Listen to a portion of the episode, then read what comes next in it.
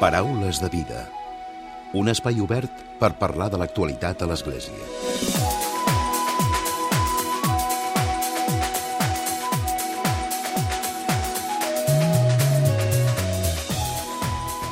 Què tal? Salutacions i molt bon dia, molt bon diumenge. Crear un ecosistema on la gent gran pugui trobar tot allò que busca. Aquest, de fet, és l'objectiu de dos joves, l'Enric Duran i en Fernando de Lepiane, que aquest 2020, en plena pandèmia, han creat la plataforma Vermut, un projecte virtual que vol convertir-se en el millor amic que el col·lectiu de persones a partir de 55 anys pugui tenir. Un amic que t'aconsella el millor per tu, que t'anima i que et motiva per continuar aprenent o que simplement et fa una proposta per sortir al carrer i gaudir en companyia d'altres persones. Aquests dos joves tenen el convenciment que una vida activa i amb vincles significatius és una vida plena de vitalitat, d'energia i també d'alegria. La premissa d'aquest projecte és que avui dia la gent gran és molt més autònoma si es compara amb fa molts anys i, per tant, volen aprofitar aquest potencial que encara pot aportar la societat. De seguida en parlem.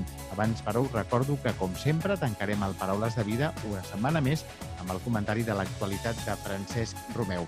Ens acompanyeu? Comencem.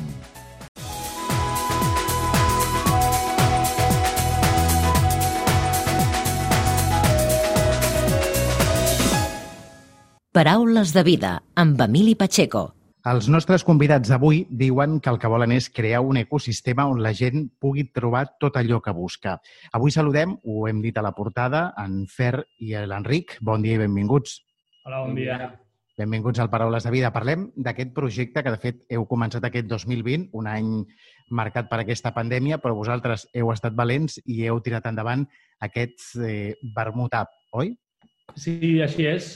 El Fer i jo ens coneixem de, de treballar junts eh, anteriorment i durant la, el confinament vam estar parlant, eh, cadascú per situacions eh, personals estava en un moment que tenia ganes d'emprendre de, i parlant i, i, i ens coneixem molt i, i parlant i, i pensant vam dir, ostres, per què no emprenem el nostre, el nostre projecte propi?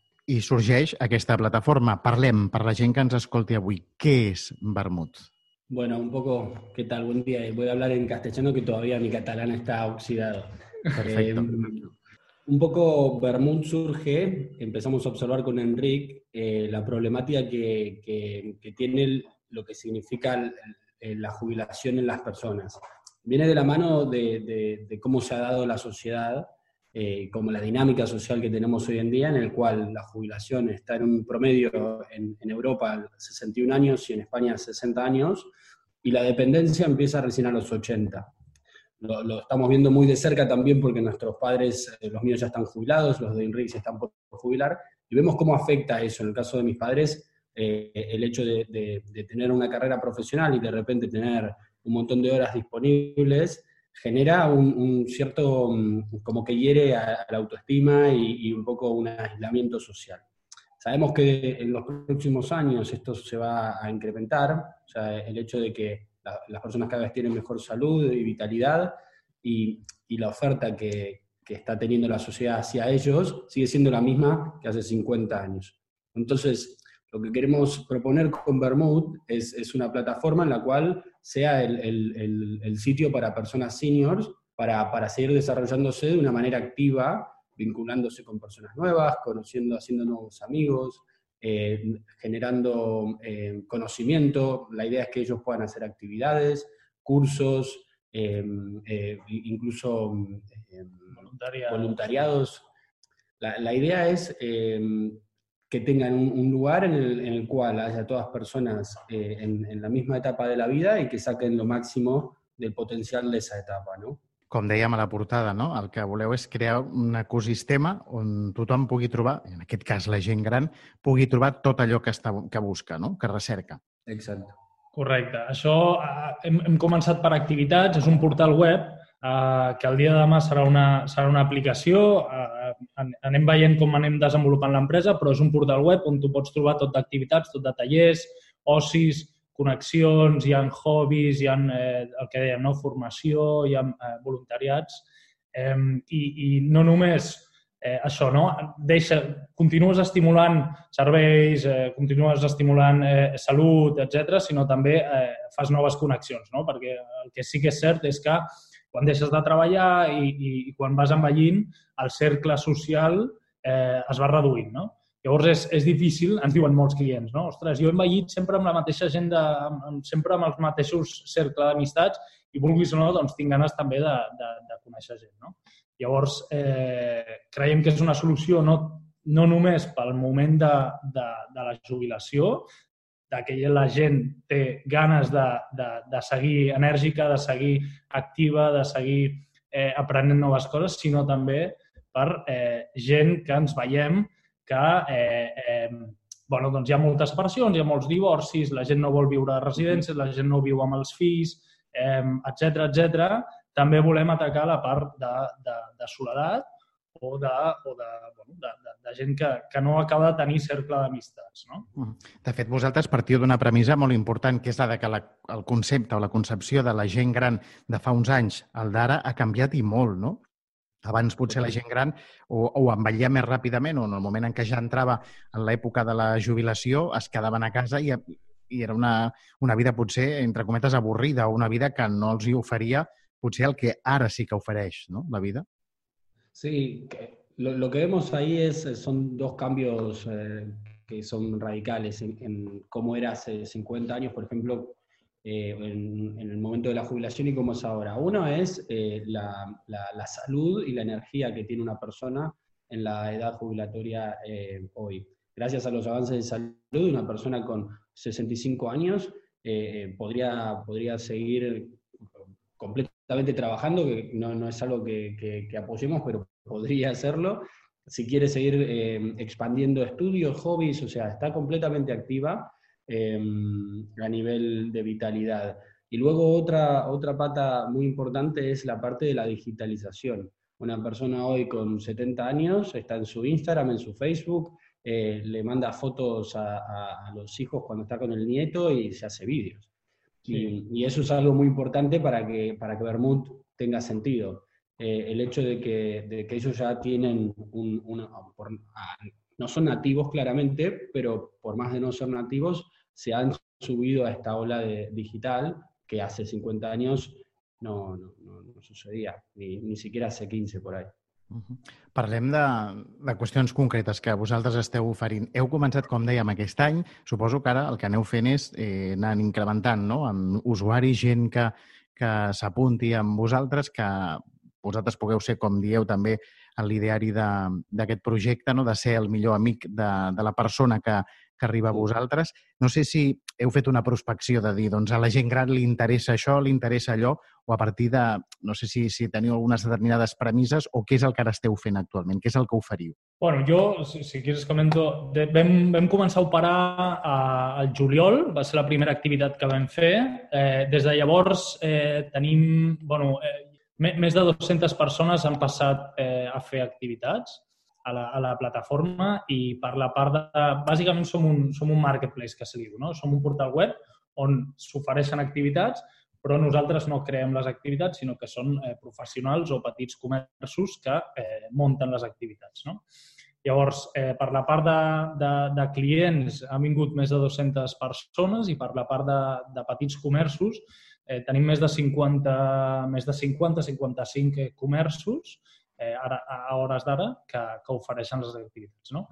El que veiem molt d'introspecció que deies, eh, la cultura i la gastronomia funcionen molt, eh, la gent està molt, molt interessada en, en, en seguir formant-se, en seguir aprenent, en provar noves coses.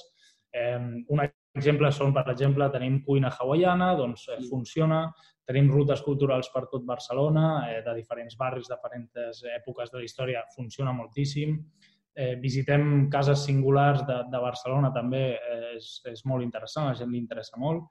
I el que veiem també, eh, ens trobem, són activitats on, eh, que nosaltres li diem xarles i vermuts, que bàsicament eh, ens reunim cada divendres i, i la premissa és una mica que, que cadascú expliqui bueno, qui, qui és i, i, i traiem un tema sobre la taula per conversar, ja pot ser qualsevol tipus de tema. L'últim, per exemple, va ser com són les estructures familiars avui en dia o fa, o fa temps i com ha canviat això, no? O, per exemple, com la comunicació ha anat avançant durant el llarg del temps amb les noves tecnologies. Doncs aquest tipus d'activitats, que són molts per conèixer i per interaccionar entre, entre ells, també funcionen molt. No? Um, ahora, bueno, si, si quieres comentar... Sí, yo, yo creo que lo que está lo que está bueno que hemos hecho es ir aprendiendo desde un poco lo que preguntabas, de, cómo terminamos generando este tipo de actividades. Eh, en, un principio eh, ofrecíamos eh, otro tipo de actividades. Lo que hemos ido haciendo es escuchar bastante al, usuario, o sea, todas estas personas que, van haciendo, vienen siendo los pioneros haciendo actividades en Bermud, y así ir transformándonos a, lo que va comentando Enrique, ¿no? Nos damos cuenta lo, lo importante que es seguir formándose, lo importante que es seguir vinculándose. Damos mucho espacio en las actividades para que las personas se conozcan, que sabemos que es un plus muy grande, es algo que ellos aprecian mucho, poder quedar en contacto, tal vez sabemos que se han formado amigos dentro de, nuestras actividades y que se han pasado los móviles y, luego se, se juntan a, a, tomarse un café. Y eso es, es un poco lo que tratamos de generar en todas las actividades que hacemos. Después sabemos que historia y cultura es muy importante, gastronomía es muy importante, pero tratamos de que tenga eh, este toque en el cual eh, genere un poco más, además de ir a aprender de eh, un paseo cultural o cómo se hace un plato hawaiano. Es como pasar a, algo que genere vínculos, que es lo más importante. Uh -huh. De fet, parlàveu d'una qüestió clau, que quan es parla de la gent gran és important hi han sortit molts estudis, de, i sobretot a Barcelona o grans eh, ciutats, grans capitals, en el que la soledat és un dels problemes principals de la gent gran. No? O sigui que, a banda de que puguin tenir pocs recursos, però potser sentir-se sol és molt dur.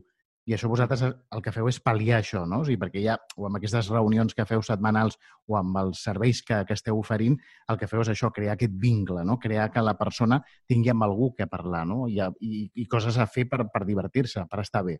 Sí, creo que eso que decís es muy importante porque justamente lo que nos damos cuenta es que la soledad no tiene, no discrimina por, por dinero, digamos. O sea, no importa eh, la situación económica que tengas, eh, podés estar viviendo una situación de soledad por las circunstancias de la vida como se te hayan dado, por ahí un divorcio, un endeudamiento o lo que fuere, y, y tener una buena posición económica. Lo que nos damos cuenta es brindarles la posibilidad de, tener un espacio en el cual compartir experiencias, compartírselas a, personas de, su misma generación que tal vez terminan teniendo puntos en común, mm. les, abre, les abre un juego, o sea, les abre un espectro de posibilidades que es muchísimo más de lo que le podemos ofrecer trayendo al mejor profesional de historia y cultura eh, de Cataluña a una actividad. Obviamente nuestros profesionales son lo mejor y, tratamos de que sean cada vez mejor, pero lo, que aprecian muchísimo es eh, el hecho de que van a conocer gente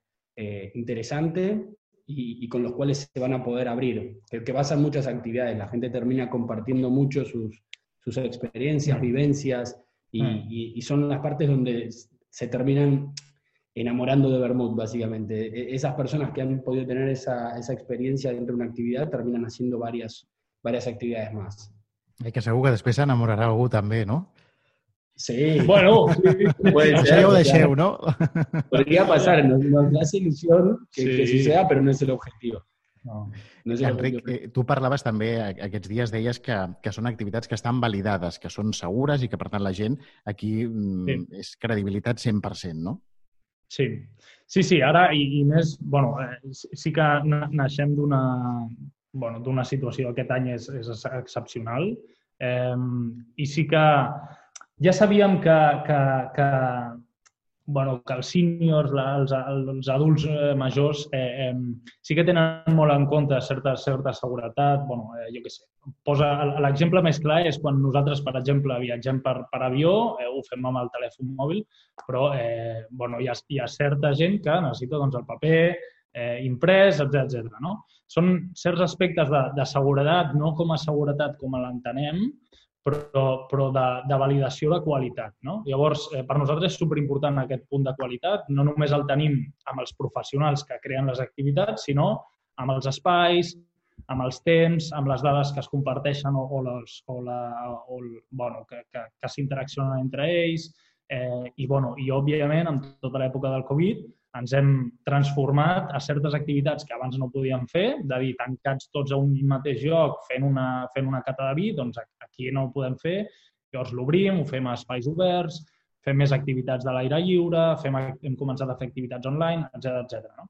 Llavors, per nosaltres sabem que el, el, el, un tret diferencial és la seguretat, la validació d'experiències de, de qualitat i, i això ho tenim molt present i, i dediquem molt de temps i molts esforços aquí anireu adaptant segons la situació, segons evolucioni, sobretot per l'any que ve de cara al 2021, de com evolucioni la pandèmia. Per tant, vosaltres us adaptareu a les activitats que feu, no? Sí, sempre ens estem adaptant. Ens focalitzem molt amb el, amb, amb el client, no? Eh, això és una cosa que, que també venim apresa d'altres empreses on hem treballat, però entendre realment per què el client està bé o està malament o què podem millorar, què podem eh, això, millorar bàsicament o què podem adaptar, és, eh, al final és la clau, no? I, i, mm. i sí que ens anirem adaptant, sigui com sigui la situació, eh, per oferir activitats on ells, el que diem, no? la nostra visió és crear el, el, el lloc on, eh, el, el, el lloc del, dels seniors, no? de dir, ostres, quan em jubili, pensi en vermut i vulgui estar dintre d'aquesta comunitat, eh, perquè sé que trobaré no només eh, motivacions, eh, formacions, etc, sinó també altres connexions. No? Mm -hmm. Avui, per la gent que ens escolta, dels oients del Paraules de Vida, que estiguin interessats, eh, què és el que han de fer? Parlem un, més concretament de, de la pàgina web, del que oferiu i de com poden contactar amb vosaltres.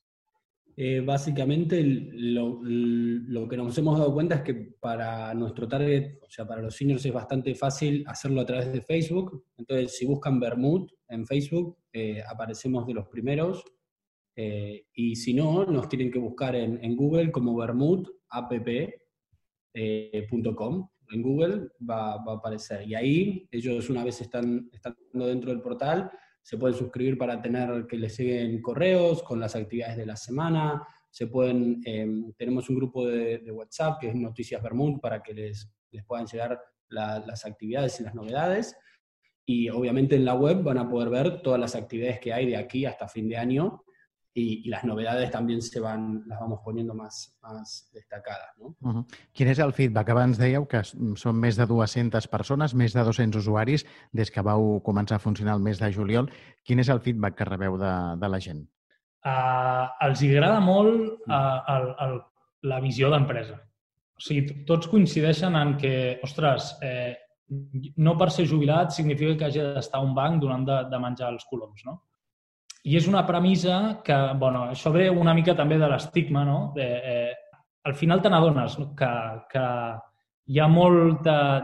Posa-li discriminació a la gent gran, no? Mm -hmm. eh, hi ha moltes bromes fàcils, eh, eh, el concepte de no, és que la gent gran no li agrada actualitzar-se, llavors no li explico res, perquè llavors no s'entera de res. Són molts estigmes que com a societat el tenim... Es, bueno, Estan molt assimilats, no? Uh -huh. Està molt assimilat de que una persona gran ja, hosti, no, no val, no? Diguéssim, no pot aportar, no... no... Llavors, eh, quan el nostre projecte d'alguna manera és, ostres, eh, anem, anem, anem a empoderar perquè la gent eh, cada dia, no? cada etapa de la vida té, té el seu potencial i, i sembla que, que com a societat a la gent gran no, no li donem el, el, el, la possibilitat de dir, escolta, mira, jo vull fer això i jo vull fer allò, no? Mm. Eh, com que se'ls priveix una mica de la llibertat que, de, de gent gran, no? I, per exemple, uns clients, una clienta ens deia és que la, la, la tercera edat és l'edat de la passió, d'allò de, de, de, que t'ha apassionat tota la vida i tens temps per fer-ho, ho fas, no? Eh, llavors, no, bueno, els agrada molt el projecte i, i estan contents, molts d'ells repeteixen activitats, molts d'ells tenen contacte directe amb nosaltres eh, i, i bueno, estem molt feliços. La veritat és que, que, que, que estan contents, està, està responent bé com, com a projecte i, i això és el que volem. Al final és crear un impacte real i positiu a la societat. Uh -huh. Doncs Fer, Enric, gràcies per haver-nos acompanyat avui. Moltes gràcies. Gràcies a ti. Paraules de vida amb Emili Pacheco. El comentari de Francesc Romeu. I tot seguit, com sempre, arriba el comentari de l'actualitat de Francesc Romeu. Francesc, molt bon dia. Molt bon dia a tothom. El passat dia 2 de desembre es va celebrar el Dia Internacional per l'Abolició de l'Esclavitud, una data proclamada per les Nacions Unides l'any 1984 i situada justament el dia 2 de desembre per recordar el dia en què l'Assemblea General va aprovar el conveni per la repressió de la tracta de persones i de l'explotació de la prostitució aliena, l'any 1949. L'esclavitud, per molts de nosaltres, sembla un tema de la història passada, però resulta que és un flagell que actualment afecta més de 40 milions de persones a tot el món, de les quals una quarta part són infants. Recordo aquest fet perquè l'endemà mateix, en una piulada al Twitter, el papa va dir «Avui, com ahir, en l'arrel de l'esclavitud hi ha una concepció de la persona humana que admet la possibilitat de tractar-la com un objecte, de violar la seva dignitat. L'esclavitud és la nostra indignitat perquè ens treu la dignitat a cadascú de nosaltres. Aquest tema veig que és un dels que més li preocupen al papa francès des dels inicis del seu pontificat i per això no ha deixat mai de demanar la erradicació d'aquest fenomen i que no tanquem els ulls davant el patiment de les víctimes. Si recordem, ja l'any 2014, el papa va reunir alguns dignataris religiosos al Vaticà per signar una declaració contra l'esclavitud i deia Malgrat els grans esforços de tantes persones, l'esclavitud moderna segueix sent un flagell atroç que està present a gran escala a tot el món. El papa Francesc enumerava les seves diferents cares, posa les seves víctimes en xarxes de prostitució, tràfic, treballs forçats, mutilacions, venda d'òrgans, ús de drogues, treball infantil. I lamentava que la situació empitjorés cada any. En el seu missatge per la Jornada Mundial dels Pobres del 17 de novembre de l'any passat, el papa va demanar als fidels que no fessin els ulls grossos als milions de persones, inclosos els infants, que són víctimes de l'esclavitud moderna, com podem oblidar, deia, els milions d'immigrants que són víctimes de tants interessos ocults, sovint explotats en finalitats polítiques, als quals se'ls nega la solidaritat i la igualtat. Molt sovint el papa Francesc acostuma a referir-se als migrants segrestats a l'Àfrica per ser traficats, especialment a Líbia. L'any passat, al febrer, el papa va convidar els fidels a resar contra el perill de la indiferència davant de l'esclavitud moderna. Encara que intentem ignorar-la, l'esclavitud no és una cosa d'un altre temps. Davant d'aquesta tràgica realitat, ningú pot rentar-se les mans si no vol ser, d'alguna manera, còmplice d'aquest crim contra la humanitat. I encara més, dirigint-se als participants del segon Fòrum Internacional sobre l'esclavitud moderna, organitzat a Buenos Aires per la comunitat ortodoxa de la capital argentina, el papa va denunciar els que no volen parlar-ne, simplement perquè treuen profit d'això, convidant a tots a defensar els drets de les víctimes i evitar que els corruptes i els criminals escapin a la justícia per tenir l'última paraula sobre els explotats. En aquest sentit, el papa anava més enllà i volia que s'abordin les causes estructurals de l'origen de l'esclavitud als països en què la població pateix d'extrema pobresa, violència i corrupció. Les lleis no són suficients per impedir l'esclavitud. Per tant, cal superar, deia, tota mena de desigualtats, tota classe de discriminació, que són precisament les que fan possibles que una persona sigui esclava d'una altra. I acabava el seu missatge subratllant que no pot permetre's distreure'ns. El problema no està a l'altre costat del carrer, m'involucra a mi. No se'n permet tancar els ulls i declarar la nostra ignorància o innocència. Segons les dades més recents proporcionades per l'Organització Internacional del Treball, la OIT, s'estima que més de 40 milions de persones estan actualment esclavitzades, inclosos 24, gairebé 25 milions de treballadors forçats, en concret en cases particulars o en els sectors de la construcció i l'agricultura, 15 milions i mig de persones han estat obligades a contraure matrimoni forçós, mentre que s'estima que gairebé 5 milions de persones són víctimes d'explotació sexual forçada. El terme esclavitud moderna, encara que no està definit per la llei, s'utilitza per referir-se a totes les situacions d'explotació que un individu no pot rebutjar o abandonar a causa de amenaces, violència, coacció, engany i abús de poder, com per exemple el reclutament forçós d'infants quan hi han conflictes armats. Molt bon diumenge a tothom. Paraules de vida amb Emili Pacheco. Directe als valors. Directe a tu. Paraules de vida. Segueix-nos a Facebook i Twitter. Arroba Paraules de vida.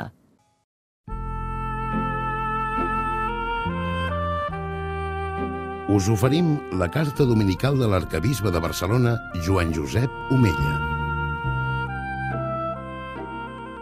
Déu vos guard. Són dies de joia per a l'Església arxidiocesana, malgrat les circumstàncies difícils provocades per la crisi actual.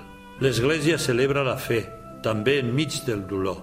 Així ho han fet, per exemple, a Haití, després d'un terratrèmol, a Ruanda després d'un genocidi, Enmig del patiment, celebrem la nostra fe, que té una mirada sempre d'esperança en la vida eterna. No volem perdre l'esperança. Aquest tercer diumenge d'Advent, a les 5 de la tarda, tindré el goig de presidir la missa a motiu de l'ordenació de cinc diaques permanents. Aquest no és l'únic motiu de joia. El diumenge 20 de desembre, també a les 5, a la Basílica de la Sagrada Família. Acollirà l'ordenació episcopal de Monsenyor Javier Vilanova, que serà nou bisbe auxiliar de l'Església que peregrina a Barcelona. En ser elegit president de la Conferència Episcopal Espanyola, em vaig adonar que la meva feina augmentaria significativament i que previsiblement també les meves absències a Barcelona. No volia que aquest fet repercutís negativament en la bona feina que fan els actuals bisbes auxiliars Monsenyor Sergi Gordo i Monsenyor Antoni Badell, ja que d'ara endavant es veurien obligats a assumir una sobrecàrrega important de feina. Per aquesta raó vaig sol·licitar al papa Francesc que ens concedís una ajuda que ha recaigut en la persona de Monsenyor Javier Vilanova, que fins ara era rector del Seminari Interdiocesà de Catalunya. El bisbe Javier va néixer a la Fatarella, Tarragona, i és prevere de la diòcesi de Tortosa. Dono gràcies a Déu per poder comptar amb més ajuda en la missió de regir l'arxidiòcesi de Barcelona. Agraeixo al Sant Pare haver accedit a la meva petició i agraeixo també a Monsenyor Xavier l'actual equip de tres bisbes a partir d'ara serà de quatre, ja que Monsenyor Javier accepta treballar plegats i viure amb nosaltres a l'arquebisbat. Volem viure en família i compartir els moments de pregària, de reflexió, de feina i de revisió. Compartirem també la taula, les preocupacions i les alegries que comporta el pasturatge d'una diòcesi. Fes, Senyor, que siguem una comunitat unida a Crist, que tingui un sol cor i una sola ànima. Tal com el papa Francesc va dir l'any passat durant l'homilia d'ordenació de quatre nous bisbes, jo també demano de tot cor que Déu ajudi el nou bisbe a estimar amb amor de pare i de germà tots aquells que Déu li ha confiat, els preveres, els diaques i tot el poble de Déu, especialment aquells que necessiten acolliment i ajuda. Rebem amb goig aquest nou pastor de la nostra església. Acollim-lo amb el nostre escalf perquè la seva missió doni fruit abundant. Benvolguts germans i germanes, ja des d'ara us demano la vostra pregària pels nous diaques permanents de la nostra arxidiòcesi que seran ordenats aquest diumenge, així com pel bisbe Javier Vilanova i per la petita família que formem els bisbes auxiliars i un servidor. Demaneu al Senyor que siguem dòcils perquè, guiats per l'Esperit Sant, puguem servir l'Església amb amor i saviesa. Que l'Esperit Sant ens anime a ser servidors de l'Evangeli i portadors d'esperança al nostre món. Us hem ofert la carta dominical de l'arcabisbe de Barcelona, Joan Josep Omella.